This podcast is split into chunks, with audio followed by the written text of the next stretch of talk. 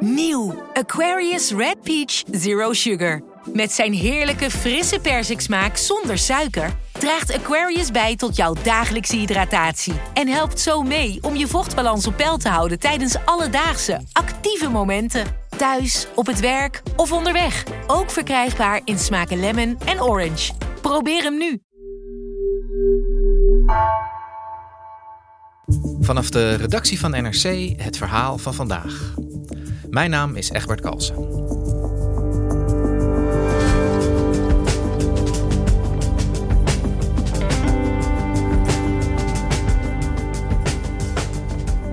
De hoogste klasse in het autoracen, de Formule 1, wordt gedomineerd door mannen. En dat terwijl vrouwen gewoon mee mogen racen.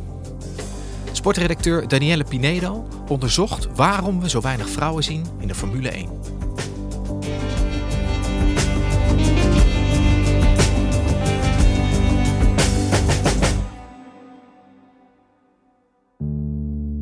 Ik stond in een grote loods in Westmaas onder de rook van Rotterdam. Waar ik denk een stuk of tien auto's stonden. Allerlei uh, vormen, maten, soorten. Op de achtergrond harde muziek. En daar kwam Emily de Heus binnen, een 20-jarige coureur uit Nederland. We bleven staan bij haar auto, waarover ze heel uh, geestdriftig vertelde. Ja, hier zit ik dan in. Wauw, Zeg maar- klein. Ja. En dan zit ik met de riemen vast. En dit is het stuurtje. Het was een grote oranje wagen, eigenlijk vrij licht, heb ik mij laten vertellen. 600 kilo is niet heel zwaar. Met een spitse neus. Ja, dit is het stuurtje. Ehm, ik weet niet. Wouter, mag ik die eraf halen om te laten zien? Inderdaad. Ja, dit, eh, ja hier rechts zijn, eh, we hebben flippers, dus eh, daar schakelen we mee. We hebben zes versnellingen. En met rechts schakelen we op en links schakelen we terug, zeg maar. En ja, dat doe ik gewoon zo. Dus ja, het stuur... Je eigen naam erop. Ja, klopt. Geeft dat een kick? Ja, het is wel grappig natuurlijk. Vooral als je het eh, voorbij ziet komen en dan denk je, oh ja, dat, is, dat ben ik. Ze wilde van jongs af aan eh, coureur worden. Haar vader eh, is ondernemer en wilde haar daarbij helpen, want het is natuurlijk ook een financieel duur verhaal. Ik had vroeger natuurlijk, toen ik klein was, wel als droom Formule 1 rijden. Ik dacht, oh, ik word het eerste meisje. eh, ik ben beter dan de rest. Ze groeide eigenlijk op op de kartbaan. Dat is de plek waar de meeste coureurs, ook de Formule 1-coureurs zoals Max Verstappen, beginnen. En was daar niet van af te slaan. Tussen de jongens reed ze. En dat werd niet altijd gewaardeerd door zowel de jongens als hun vaders, vertelden ze. Vooral vroeger in eh, karting had je soms wel van dat sommige jongens kon het echt niet hebben. Maar vooral toen ik eh, als kind was, bijvoorbeeld, ik was zelfs gewoon op een clubrace, dan had ik bijvoorbeeld gewonnen. En eh, dan hadden we het later over Formule 1, want ik krijg dan wel eens van die vragen. En dan eh, kwam er zo'n vader naar me toe, ja maar vrouwen mogen toch niet in de Formule 1, eh, want dat, eh, dat is een regel, dat mag niet. Wat blijkbaar ook niet zo is, maar vroeger dacht ik dat dus. Maar ja, dat is eigenlijk best, als ik daar terugdenk, best wel kinderachtig als een volwassen vent dat tegen een kind van negen zegt. Emily de Heus is een van de 15 vrouwen die dit weekend rijden in Zandvoort. In de F1 Academy, dat is een kampioensklasse speciaal voor vrouwen, eerder dit jaar opgericht. Ze is de enige Nederlandse.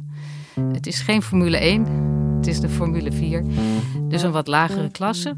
Ehm, maar voor vrouwen een belangrijke klasse. Omdat het eigenlijk het beginpunt is naar wie weet ooit de Formule 1 voor sommigen van hen. Ik denk dat het niet echt een verschil is als je helm op hebt. Want ja, je, ziet niet eh, in, in een auto, oh dat is een jongen of dat is een meisje. Ja, je merkt eigenlijk niet dat je tegen meiden rijdt. Want het is nu zo dat er geen enkele vrouw meerijdt in de Formule 1. En steeds vaker wordt de vraag gesteld: waarom is dat? Kunnen we daar niet iets aan veranderen?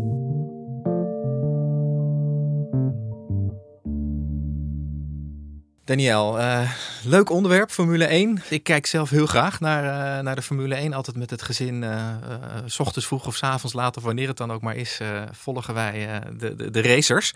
Ehm, misschien is het goed om even bij de basis te beginnen. Hoe word je een Formule 1-coureur? Dat is een heel lang traject. En dat begint eigenlijk al in je kindertijd bij het karten. Na dat karten stap je over op een, een hogere klasse. Dan ga je via de Formule 4, in de Formule 3, in de Formule 2. En dan kom je uiteindelijk in de Formule 1. Dat is een proces van jaren. En het is voor weinigen weggelegd omdat het ook een hele dure kwestie is. Je moet een grote zak geld meenemen, wil je ooit in de Formule 1 geraken. Daarvoor moet je sponsors hebben. Er zijn allerlei manieren om dat geld bij elkaar te schrapen. Maar je moet het wel meebrengen, wil je in de Formule 1 komen. Hey, jij zei net al, er rijden geen vrouwen mee in de Formule 1 op dit moment. Is het een exclusieve mannensport? Nee. In de Formule 1 is dus geen regel dat een man niet tegen een vrouw mag rijden. En dat is eigenlijk best bijzonder, want er zijn niet heel veel sporten waar mannen tegen vrouwen rijden. De bekendste is misschien eh, de paardensport.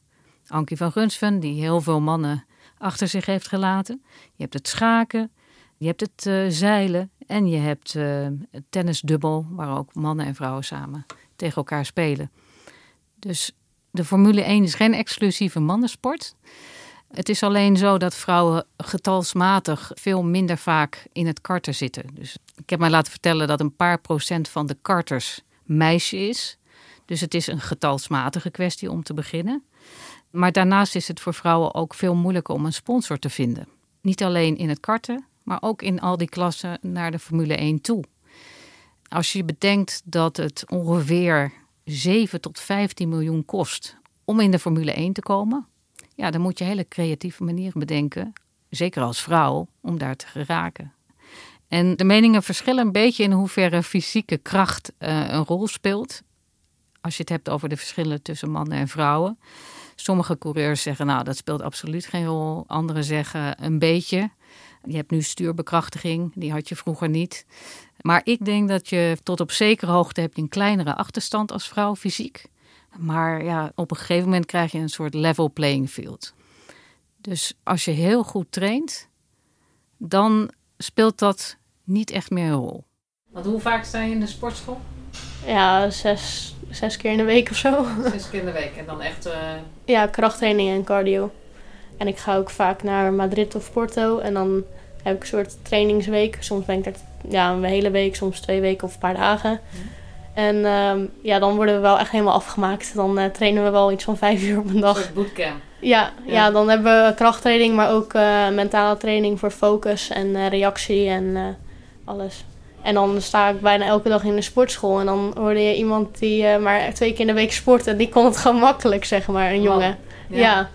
Dus er is zeker wel krachtverschil. Maar ik denk in karten en in tourwagens voel ik dat verschil totaal niet. Maar het is al moeilijk om in de Formule 1 te komen. Op een van die twintig plekjes, zeg maar. Maar als vrouw is het bijna... Ja, dan moeten alles samenkomen. Ik, ik, voor mijn gevoel is het bijna een klein wonder. Davina Galitza, car number 13, driving very well. Want wat veel mensen niet weten, is dat het jaren geleden in de vorige eeuw vrouwen wel is gelukt om deel te nemen aan de Formule 1. Giovanna Amati, she improved by a couple of seconds this morning. This is a young woman from Britain named Desiree Wilson. Ja, nee, ik wist dat eerlijk gezegd ook niet, dat er vrouwen hebben meegereden. Toen, toen keek ik nog niet blijkbaar. Uh, kan jij eens iets vertellen over de historie van vrouwen in de Formule 1? Ja, het is inderdaad iets wat niet bekend is. Uh, mijn collega Koen Greven kwam daarmee. Het was voor mij ook een verrassing. En um, in totaal tussen 1958 ehm, en 1992 hebben er vijf vrouwen Formule 1 gereden. Dat zijn Lella Lombardi, Maria Teresa de Filippis, Desiree Wilson, Divina Galizza en Giovanna Amati. Van die vijf vrouwen leven er nog drie. En die hebben we proberen op te sporen. En dat is gelukt. Desiree Wilson, uh, die woont nu in Salt Lake City, is ooit geboren in Zuid-Afrika. Uh, die is nu 69 jaar en heeft tot haar 63ste maar liefst gereisd. Niet in de Formule 1 natuurlijk, maar in een lagere klasse. I read that you raced uh, at, until the age of 63, right? Is that correct? Yes, that's right. Uh, seven years ago. Wow, I'm uh, turning 70 this year. Yeah. No, wow. I was I I loved I loved racing uh, later in life. I was very competitive. Um, I'm from what I call the old school, okay, the the old mm-hmm. form of driving, um, where it's so much up to the driver. You know, we had no electronics and no fancy radios and no anything, and you had to make all your own decisions. Ook een leuk detail is dat ze ooit in Den Haag heeft gewoond, omdat ze in Zuid-Afrika Huub Vermeulen, een oud-coureur uit Nederland, tegenkwam, die zo enthousiast over haar prestaties daar was, dat hij zei: Kom naar Nederland, ik ga jou helpen uh, met jouw carrière. En in Nederland heeft ze ooit tegen uh, Michel Blekemolen, een oud-coureur, op Zandvoort gereisd. Is it true that you raced against Michael Blekemolen also in, at Zandvoort even? Oh, he's, oh yes. Um, I, I even beat him sometimes. I even won the race. And um, Blake Moen was very, very good. But yes, I won the.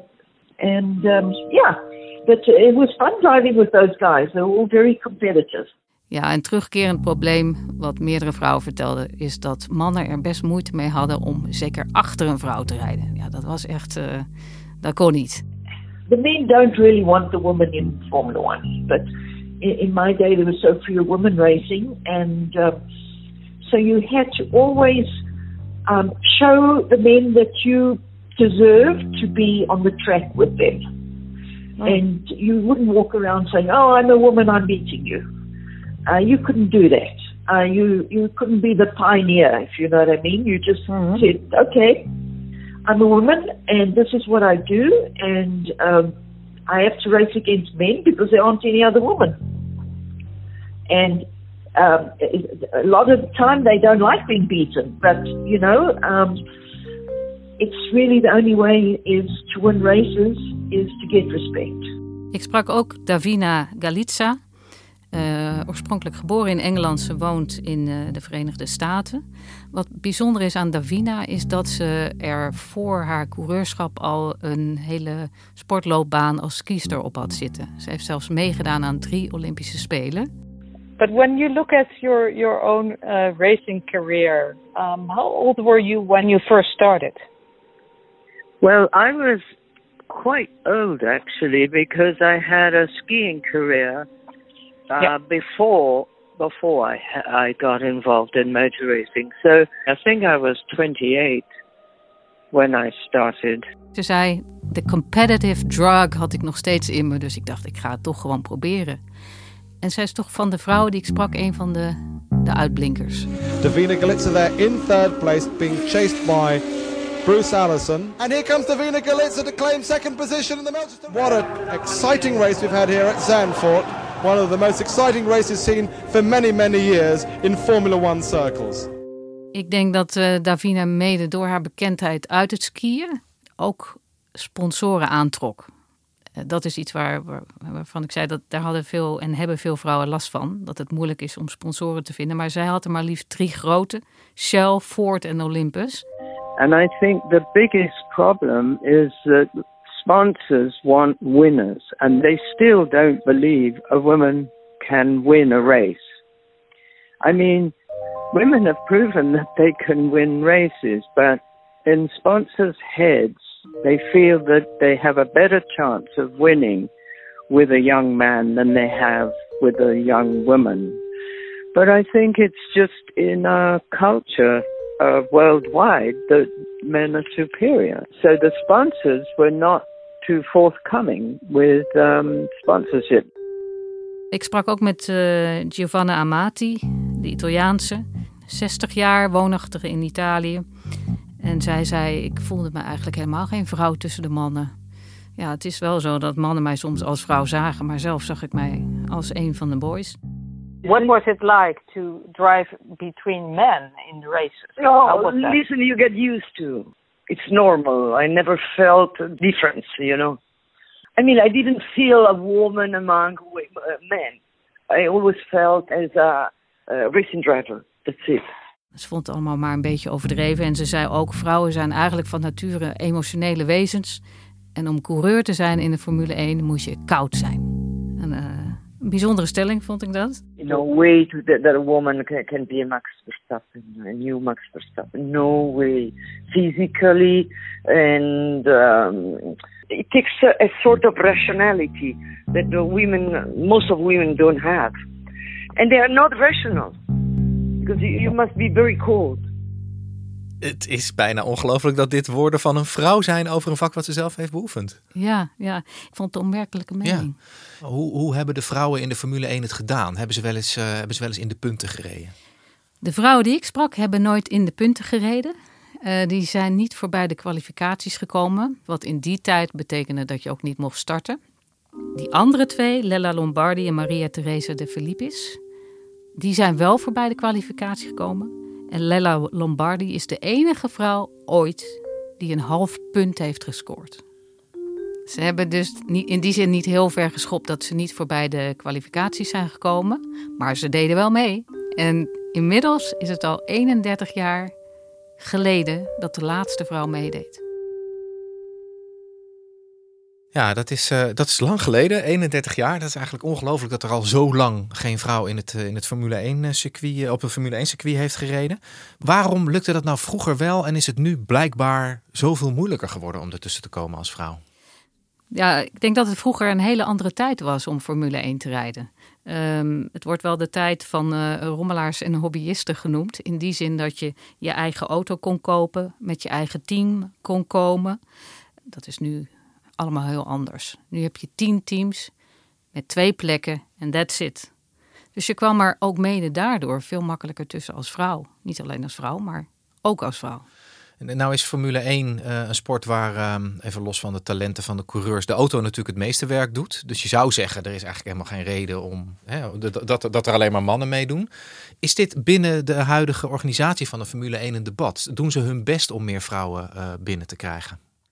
Ze doen hun best in die zin dat die F1 Academy is opgericht. dus uh, de Autosportbond zegt ook van dit is onze investering in vrouwelijk potentieel. En er is uh, voordat die F1 Academy werd opgericht ook een klasse voor vrouwen geweest, de uh, W-series. Dat is over de kop gegaan. Ze kregen het financieel niet op orde. Dus er zijn wel dingen geprobeerd. Er zijn wel eens vrouwelijke testcoureurs geweest bij teams. Hè, dus die ehm, testen voor de mannen, zou je kunnen zeggen. Maar ja, het zet in die zin niet echt zoden aan de dijk. En die F1 Academy, hè, waar jij over vertelde, eh, is, is dat dan zeg maar ook vanuit de, de raceorganisatie het middel wat ervoor moet zorgen dat de komende jaren wel vrouwen uh, in de belangrijkste klasse van de autosport gaan meerijden? Ja, die F1 Academy uh, klinkt heel mooi, maar uiteindelijk is het natuurlijk wel Formule 4 niveau waar ze in Zandvoort rijden, hè, die 15 vrouwen. Uh, dus er is een hele lange weg te gaan. Maar goed, Emily heeft er zin in Zandvoort voor eigen publiek te rijden. Ze vertelde dat ze ooit droomde als klein meisje om in de Formule 1 te rijden. Maar ze zei ook, ik kwam al snel met beide benen op de grond. Het is niet realistisch dat ik in de Formule 1 zal komen, want uh, meestal is een jongen die nu 20 is en nog in de Formule 4 rijdt, die gaat dat ook niet halen. Dus ja. Dan had je nu jonger moeten zijn om dat ooit te bereiken. Ja, bijvoorbeeld sommige jongens in de Formule 2 die zijn nog maar 17 of 16. Ja, ik denk 17 de jongste. Die, die hebben veel meer kans natuurlijk. Die is nog veel jonger. Die heeft nog meer tijd om te leren en die zit al op dat niveau, zeg maar. En Daniel, hoe komt het nou dat de Formule 1 zo achterloopt vergeleken met andere sporten, maar eigenlijk ook gewoon met de maatschappelijke trend van meer emancipatie en meer vrouwen op alle posities? Ja, ik denk dat ze bij de Formule 1 niet echt met de tijd meegaan. En niet alleen als het uh, gaat om het toelaten van vrouwen, maar ook als het hebt over milieuaspecten bijvoorbeeld. Uh, er was op Zandvoort ook een hele kwestie met dat seksisme op de tribunes. Dus het is niet echt dat je zegt een sport hè, van uh, die gaat met de tijd mee. Ja, maar ergens moet je dan die cirkel doorbreken. Want als je niks doet, dan, dan blijft het zeg maar op het niveau waarop het nu zit, namelijk geen vrouwen. Je hebt echt een, iemand nodig die een bold move doet. Het liefst uh, misschien een vrouw. Dat een vrouw uh, op een toppositie komt of zo in de autosportband. Ik weet niet wat er moet gebeuren, maar het kabbelt nu een beetje. Er worden initiatieven genomen, maar het is enigszins halfslachtig en voor de bühne. Het is een beetje een hard oordeel, maar ik denk dat als je alles optelt bij elkaar, dat, dat je daar wel bij uitkomt. En soms is het ook wel om moedeloos van te worden. En dan denk ik, moeten we nog 31 jaar voordat er eindelijk een vrouw ook in die klasse meedoet? Ik hoop het niet. Dankjewel, Daniel. Geen dank.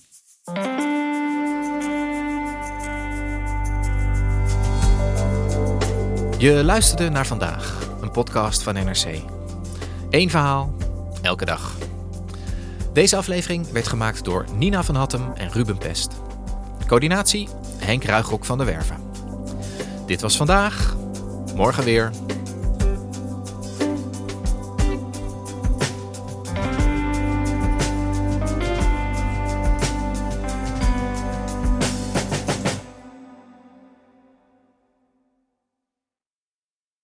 Een maatschappij waarin iedereen meedoet. Een gezonde, groene en rechtvaardige wereld. Daar willen jij en heel veel andere mensen best iets aan bijdragen. In het klein en in het groot. Dicht bij huis en ver weg. Zo hebben we vorig jaar 349 miljoen euro bij elkaar gebracht. Miljoenen waarmee onze goede doelenpartners de wereld elke dag een beetje beter kunnen maken. Nationale Postcode Loterij. Samen voor een betere wereld.